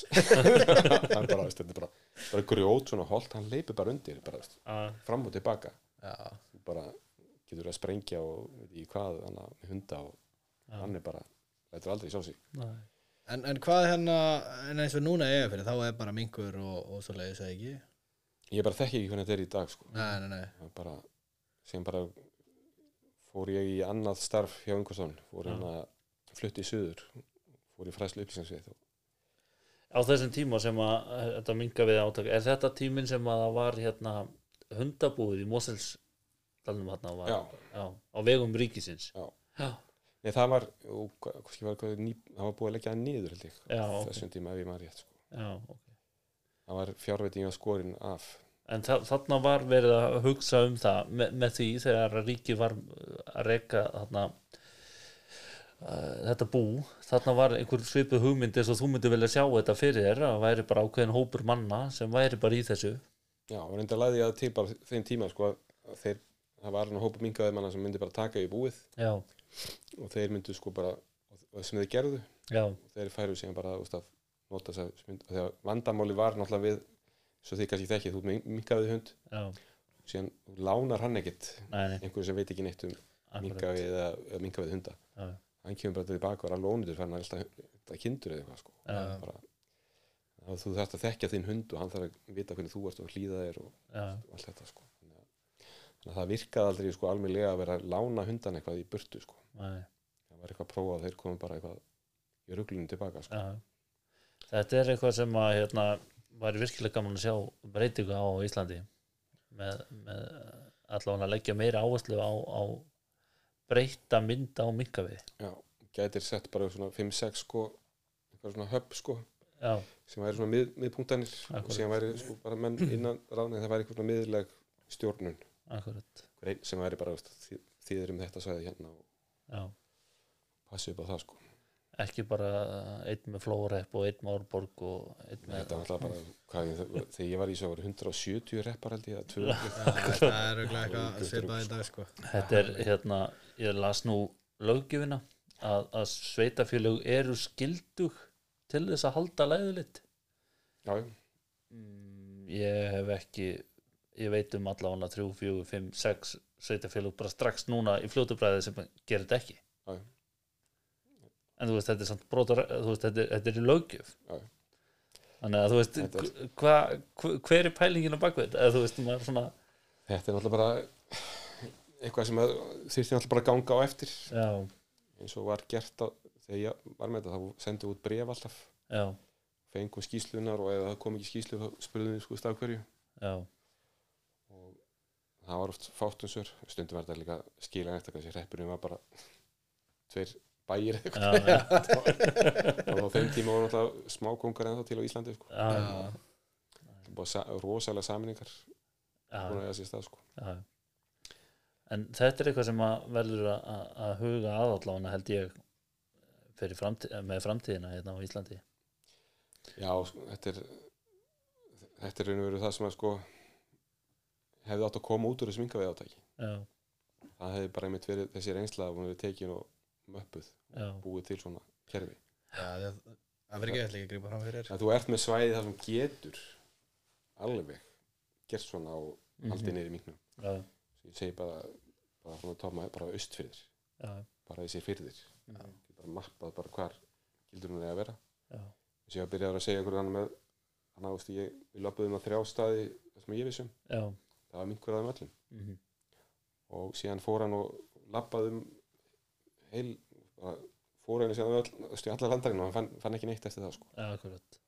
Og hann sagði einmitt bara eftir það bara ok, núna veit ég þetta en, en ef ég hef ekki vit ef hann ekki hitt mig sko, þá hann þurfti að, að er hann í þrjá fjóra daga. Já, já, það já, er risa svæði og fullt af búsaðum já, en út af þú, þú vissi eða kunnir á svæðið og þá þetta er bara A, B og C búsaði sem að minkurinn bara, þetta er bara eins og þetta er bara, ég veit, ég myndi að kef fenn til Reykjavíkur og hennar Grand hann á Hilton hótelið er bara með tilbóð þúsund kall nóttin, já, þú fer þangað. Já, síðan hérna er, hérna við hliðina var hérna eitthvað gisti heimili með bara einhverja sem ekki búið reyksveið þrjú ár með þúsund kall líka, það er ekki þangað það var. Hiltonu með sama verð sko, þannig að bara, þeir finna þetta bara. Já, og finna líka þannig búin að vera einhver áður.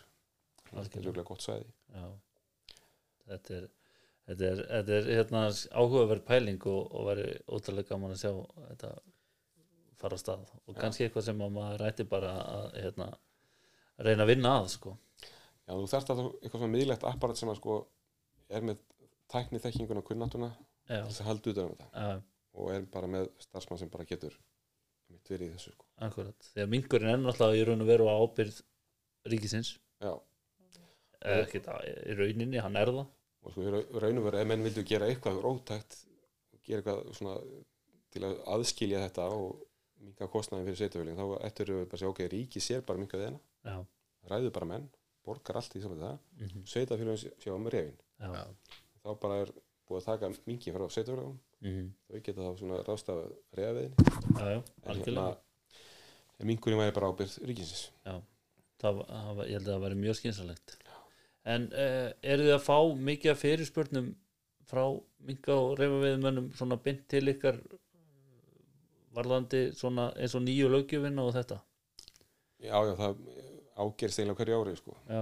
náttúrulega og bara með að fleiri sko svona, hópa skotuðið manna já, þeir eru að átta sig á því að skotið sé náttúrulega stort félag já, og hefur eina svona félagi sem hefur sko lögbunna aðkomu að veðilögjöf og hérna ást að segja eitthvað um skotuði akkurat. Þannig að veru er, það fer allt í eiginlega í gegnum okkur. Ef eitthvað er að gerast þá erum við spurðir. Já, og ég er líka orðið var við það að núna síðastlegin fimm ára eftir að félagi búið að stækka svona mikið að það er og við náttúrulega erum mjög rökfastir í Já. því sem við leggjum fram. Við erum ekki bara við viljum halda áfram að veiða grágjast bara að því bara.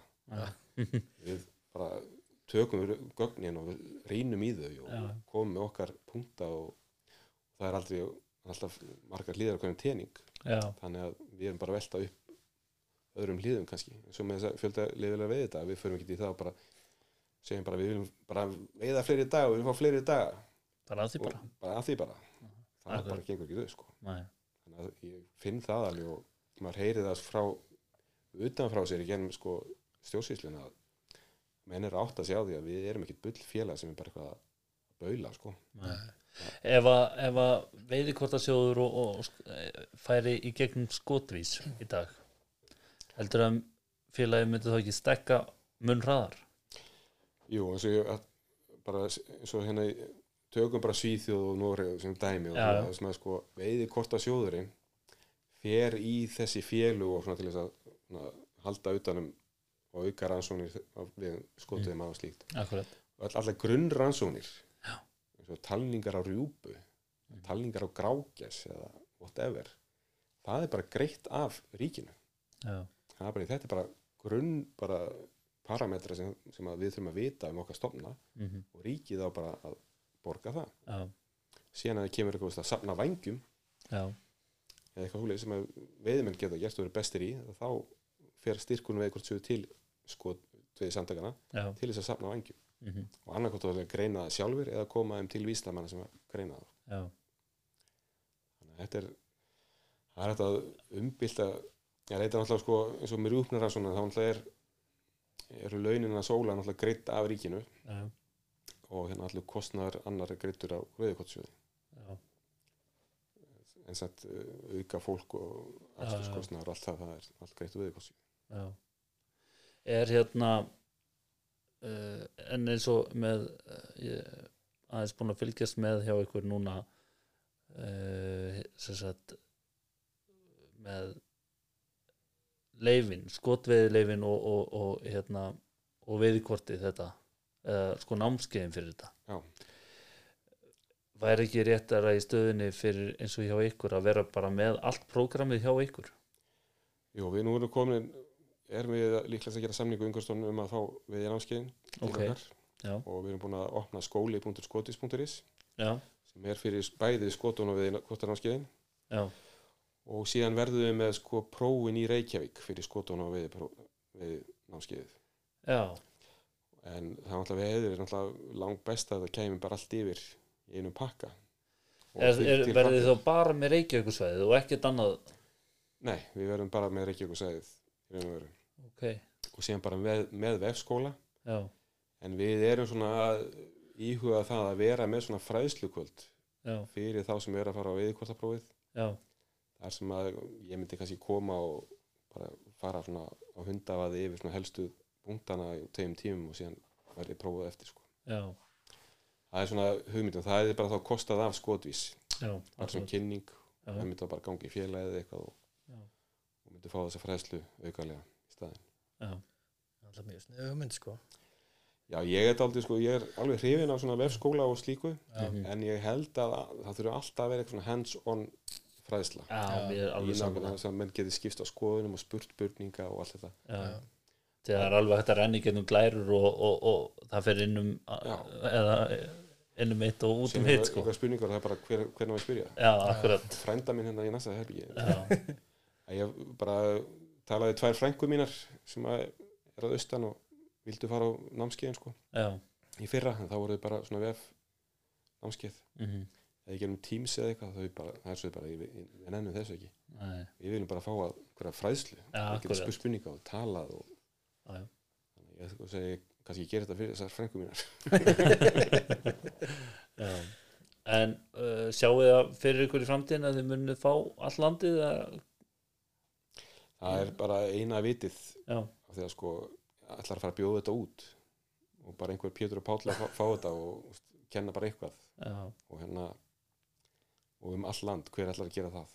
Akkurat. Við erum bara eina apparati sem hefur einhverja sérþekking á veiðum. Já, við erum með sko félagsminnum all land. Við mhm, höfum tekið þetta á okkur. Já, og í raun og veru alltaf kannski veist, að þá skotfélugin sko væri með meira aðkomu að skotvís já, og væri meira inn í starfsemi skotvís mhm, það er svona það kannski sem að hefur oft verið daldið svona daldið fyrir sk- já, skotveiðum á Íslandi. Þeir eru með þessi skotvíl út á landi síðan er skotvís mhm, og það sagtu okkur hérna þið eru bara alltaf í Reykjavík. Já, og það er bara ekki rétt, ég er í kjó, kjósinni. En síðan alltaf bjóði á Akureyri í 14 ár já, og er náttúrulega algjör svona melrakaðreifur og er á seyðisfyrði og út um allt þannig að ég þekki alveg hvernig þetta er að vera út á landi. Mhm, og, en einhvern veginn þurfum að ná utanum að alltaf að vera saman í þessu og, og starfa saman. Mhm, þannig eins og kom í ljósana þegar að einmitt rjúpnaumræðan fór í gang og við virkjuðum alla okkar félagsmenn út um allanda þá var skriðþungin mjög óþægilegur mhm, fyrir á þeirra hann sá bara hann, hann gæti ekki gengið gegn þessum skriðþunga. Nei.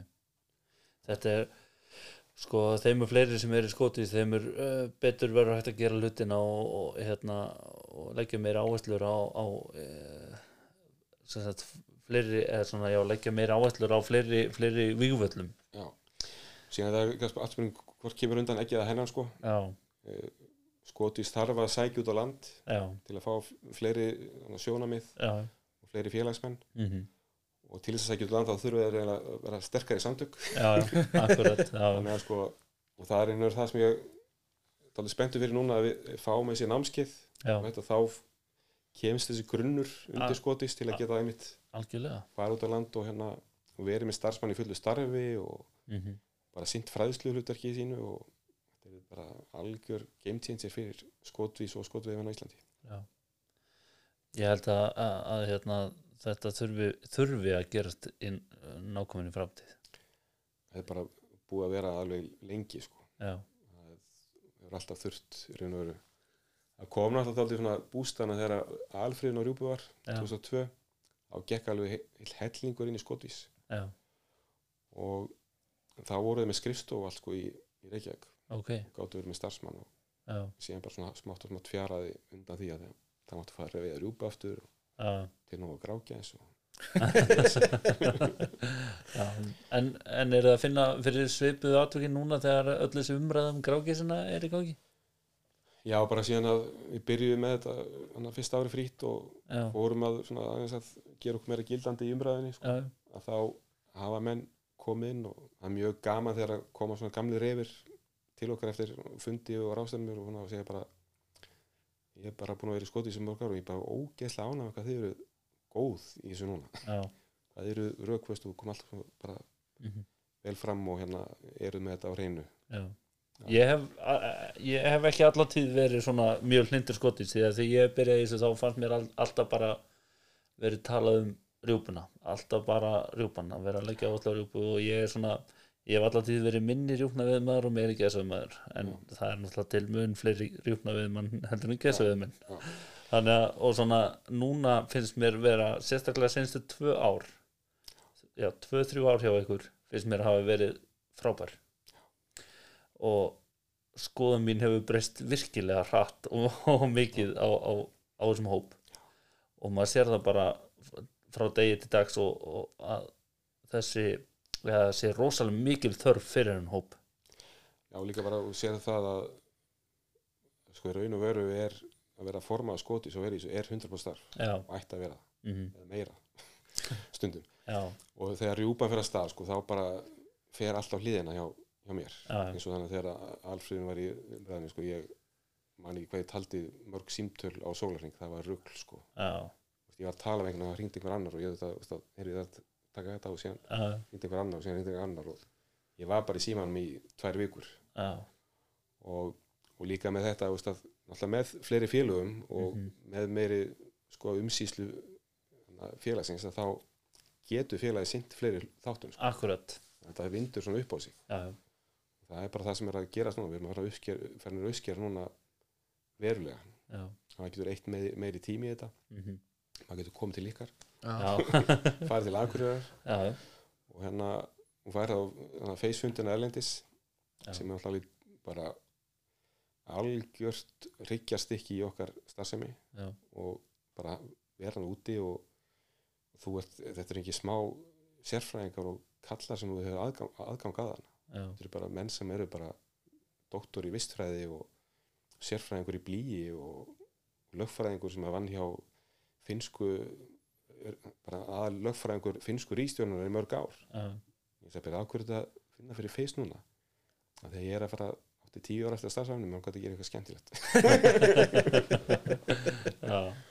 Og hann er bara, hann var á eina fyrir EB sko, þetta í EB-málum finna og hann veit allt um þetta, hann bara já, að spyr hann einhver, hann bara svona.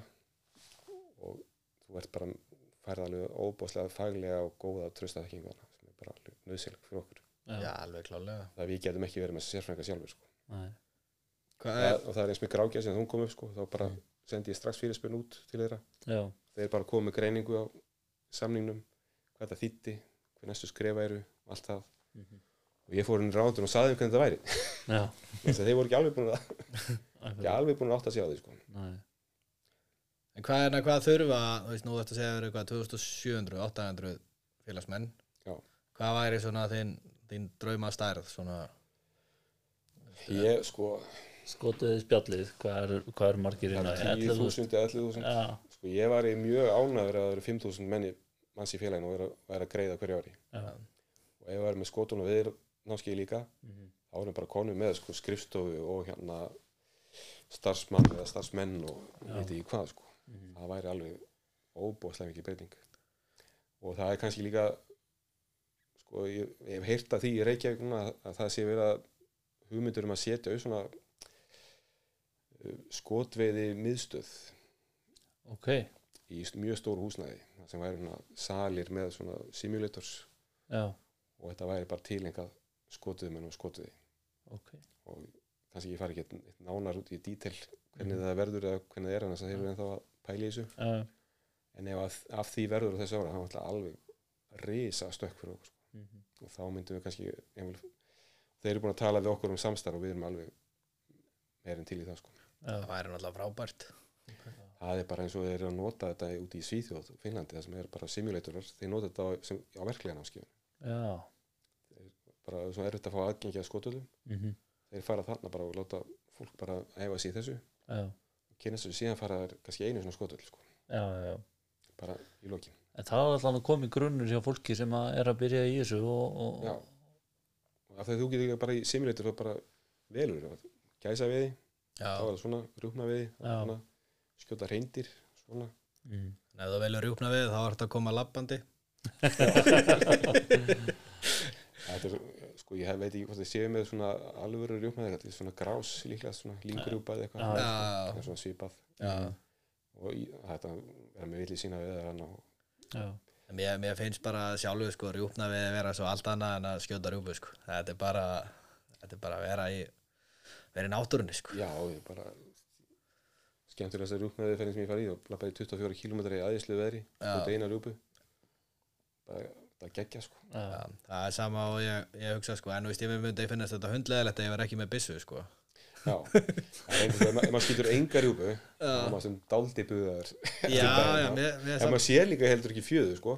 Þá er alveg sko þá langar mann til að það er dálítið leiðinlegt sko. En, en, en ef maður, þó maður sjá ekki ef maður þó þurfa að fugla eða eitthvað þá er það bara strax betra sko. Já, ég er alveg svakalega latur við, við fjallgöngur sko, en ég teki eftir í hann að, að maður stundu farið svona fyrir júpna við tímabil, viku, tveim áður og svona skoða lendurnar og svona pæli í þessu fyrir komandi átök sko og það er ekki séns í labbið að nefnir sem er riffil á bakinu og ég skildi sjá refi eða eitthvað.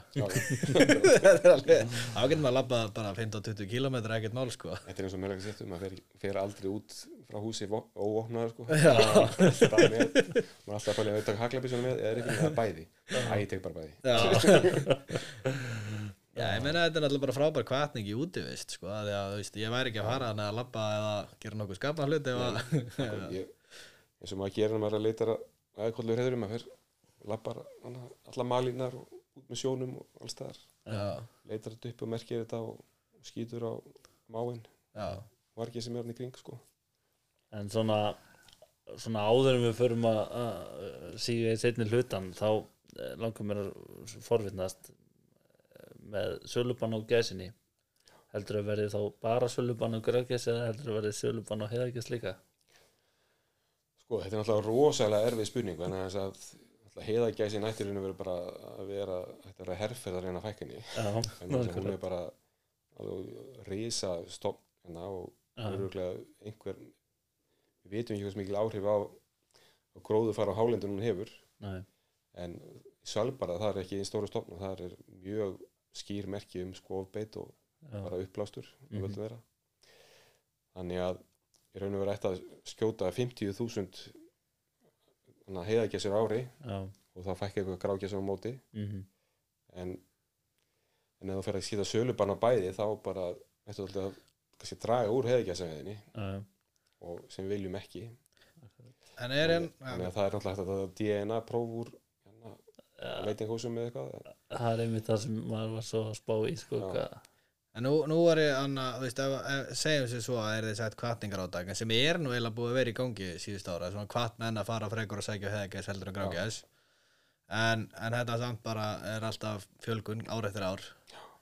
Um, það er líka þetta er, þetta er erfið bráð að sækja. Hún er, er farin snemma. Hún er, þú veist, oft kannski 30-40 kilometra frá bíl er einhverju pollar sem að enginn engin getur mögulega farið á sko bara að labba með tjald í tvo daga og, og, og tilbaka já, þannig að hefur aldrei verið einhver pæling að fara í bara hreinlega vorfiði þar sem hún er að sækja tún og, og, og svona nei sko sko vandamálið við vorveðina þá ertur við bara að drepa fuglina þess að hún er svo hóruð já hún er, ég, hef aldrei stund annað en ég veit ekki. En við líka komumst bara að því svona, að slæmri tilviljun. Já, að það voru skotnar hérna hvernig það var. Það var alveg verið 25 ára síðan eitthvað. Það, voru skotnir held ég 77 helsingjar og eitthvað slatta heiðigess í skafirnum já, og við Arnór fórum og, og sent, mældum alla huglan viktuðum og, og komumst að því að hérna að helsingi var að svona kílói í kílói léttari? Hálfu kílói kílói léttar heldur en bara á haustin. Já. ok, og heiðagessin eitthvað aðeins minna sko en samt já, þetta var engin matur á þessu sko. En þær, er, þær eru það væntilega að koma en að fullar af veggjum að því að manni finnst þær alltaf svo pattaralegur og flottar á vorin sko. Já. en það er náttúrulega eru bara veist, í, í Breitlandi sko eru bara að draga fram lífið og já, og eru að reyna að hafa efnaði að búa til egg. Já, síðan koma þær hérna og verpa og síðan fara að geta og fitta sig fyrir Mhm. vetunum sko. Já, þá erum við að fara að þær þannig að þá er það en síðan er oft þessi spurning alltaf með heiðagæsin á haustin sko að byrja að skjóta hana 20. ágúst því að stundum voru svo seint og illa að þetta er bara óflegir ungar sem eru og það er það sem við erum alltaf verið að hvetja með til og við erum ekki að skjóta á einhverja hópa sem við sér einhvers þar því að það getur verið óflegir ungar inn- innan um já, Ég hef allan aldrei lendið á mínum heiðagæsa við um að, að gæsa ábyrðin kemur labbandinn á tönnina sko. ég lendi því Í því? Það er náttúrulega Ég- væntalega skaustu þar ekki. jú, jú, ég fyrst bara aldrei fara að heikja þessu við áður sko. Þessi ekkert hvað ég var út í og bara fórum bara yfirstæða heiði og, og hérna vorum að labba hana þá kemur bara hana sé bara hóp að koma hana fyrir svona eyði. Já, það er farið að fljúa sko nema aftast í fuglinu, ég skaut hann. Og það var óflugur fugl ungi sko. Já, þess vegna var fjölskyldan að labba sko. Já, af því að það var óflugur. Já, ok. Ég það var ekkit að þetta var bara eins og, það var ekkit á hann sko maður hefur svona tekið eftir því eins og á, á heiðagæsinni að þú veist, þú fer 20. ágúst, við förum alltaf 20. ágúst þetta er bara eins og opnunadagur í lags eða eitthvað, þú veist, þetta er bara heilagt og, og þú fær uh, fín dagsjón og séða kannski förum við aftur, þú veist, 1. september og þá eru kannski ennþá, þú veist minni ungar sem við skunnum 1. september sem komið samt fljúandi inn á pollin Já. heldur við skunnum 20. ágúst þannig að, en, en þú veist það er alltaf að koma í rauninni frá þessu tímabili 20. ágúst til 1. september eða eitthvað er alltaf að koma nýr fugl fljúandi Já, þannig að þú veist, ég get ekkert séð að því að því að þú veist, allan ég held allan að 99% af fuglinu sem er skotin 20. ágúst er fljúandi Já, það er bara því að þú skýtur fugl sem er fljúandi þannig að er það í lægi sko. Já, já, já, en eins og þannig bara því að maður var nýgræðingur í þessu já, maður bara, ups, heyrðu, ok þannig að það geta verið óflegir ungar já, já, þannig að ef ég sé væri, sæði einhvern hóp vera labbandi sko, mhm, þá var svona ok, ég er ekki fara já, já, já, já. En ég held allan að að maður myndi ekkert græða að senka þess að því að þú veist, ég held að að slata fuglinn sem er að skjóta 20. hann er orðin rosalega feitur og patralur sem hefur kannski Já, já. verið va- varp snemma og hann er kannski bara farin út 20. annan sko. og það er einmitt rökin sem við hefum sko notað á móti að segja bara, jú, jú, það er veist, en, þú ætlar alltaf að býja eftir síðasta unganum skilur, eða síðasta varfuglunum Já, þá er ekki bara farin. Já, ég held líka sko að með því að treysta á samvisku veðumanna þá er þetta nú allt í lagi sko, ég held að sé enginn sem ætli sér það að fara að drepa einhverja óflega unga sko. Nei. það, ef hann ætla sér það þá getur hann alveg eins farið og gert það bara í júli sko. Það, það er bara eins og, eins og gerist fyrir mig sko, þetta er bara svona já, one time slís og maður bara átt að segja, ok, þetta svona er þetta. Þá fór maður bara í, í það að skjóta eða það, maður beði bara eftir því að maður lendi í svo hópurinn færi að staða fljúandi sko. eitt svona uh, í lókin uh, hvernig er með reyndir að veðarnar, akkur fara þær ekki getum skotis? Það er náttúrulega góð spurning sko. Já, ég veit ekki hvað austinningar eru glaði með það að skotís vera að stjórna þeim.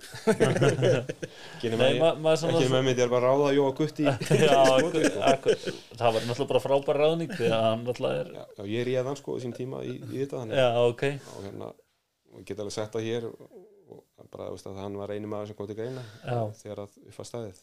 Og bara hann fyllt tikkaði öll bóksin og ég vissi að myndi standa sig vel og vera, hann, hefur gert það alveg 100% en það er náttúrulega bara sko menn náttúrulega átt að segja á því að það er að spara í ríkisgerðinu með því að útvista svona verkun með öllu eða einhverjum hluta til félagsamtaka já, og það hefur taldi verið træða til þess mm hjá ríkinu hérna á Íslandi.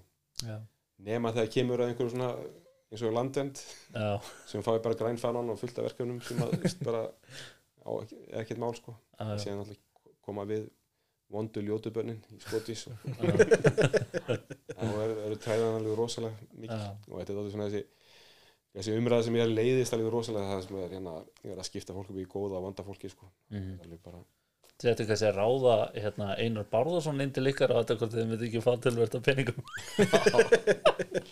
Það ke- það kemur bara mótlinn sjóði með sér það var það hérna það var nú frændi minn sem er nokkuð þekktur rítuhundur í Íslandi ég tók við sem skotís og flutti upp í kjós þannig að hann býtu allar að vera svona Tjalton Heston bara out of my cold blood hands eitthvað með skotónin og gerast preppari, fara að grafa þig ofan í kjósina og, og hérna hvað, við hverju býstu heimsfaraldri og heimstyrjöld Andri Snær þú bara jinxið það bara hvað gerist.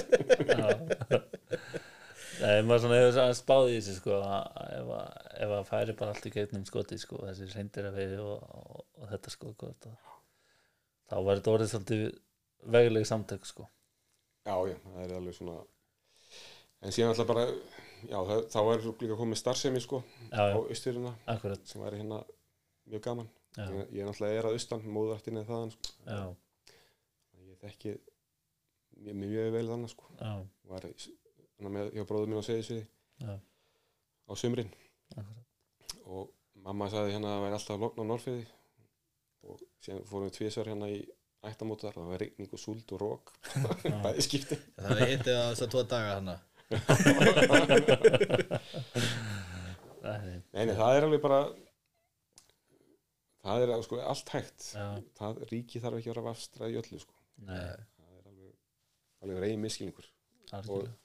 Í raun og alltaf ég tek þarna við þá samin eða sko skotunum við námskein, vinna því. Já, að taka þau saman, búa til námsemni og Mhm. gera prófin og allt þetta koma þessu í eitthvað svona apparat, eitthvað kerfi já, en það var aldrei hugmyndin að uh, síðan ætti ríkið að reka þetta forever sko, Nei. síðan væri bara þetta að búa til hann að pakka Mhm. síðan, þá bara komið rekstur þá er þetta að síðan það rekstur í hendurinn okkur öðrum Mhm. sem er ekki með svona þetta ríkið er náttúrulega óbóðslega hægvirt og já, útblásið og, og náttúrulega kostar fullt af peningum að reyfa það sko. Já, þannig að það er félagsamtök sem geta fengið betri díla og hérna sjálfbáðilega samtök og já, beðið einhvernum að, að skutla sér út í búð og kaupa brauði fyrir námskeið.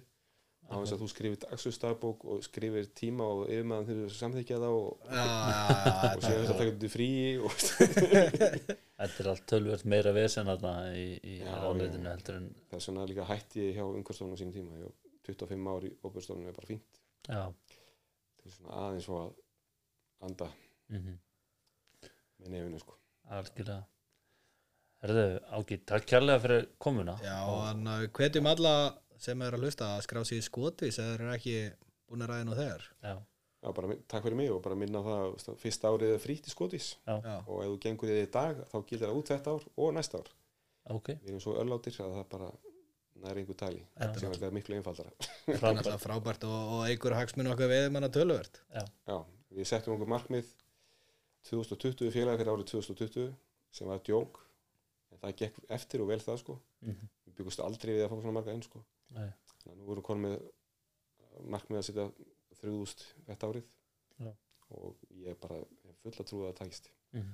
frábært. Við allan að reynum eins og við getum að, að hjálpa ykkur við það. Takk fyrir það. Takk fyrir komina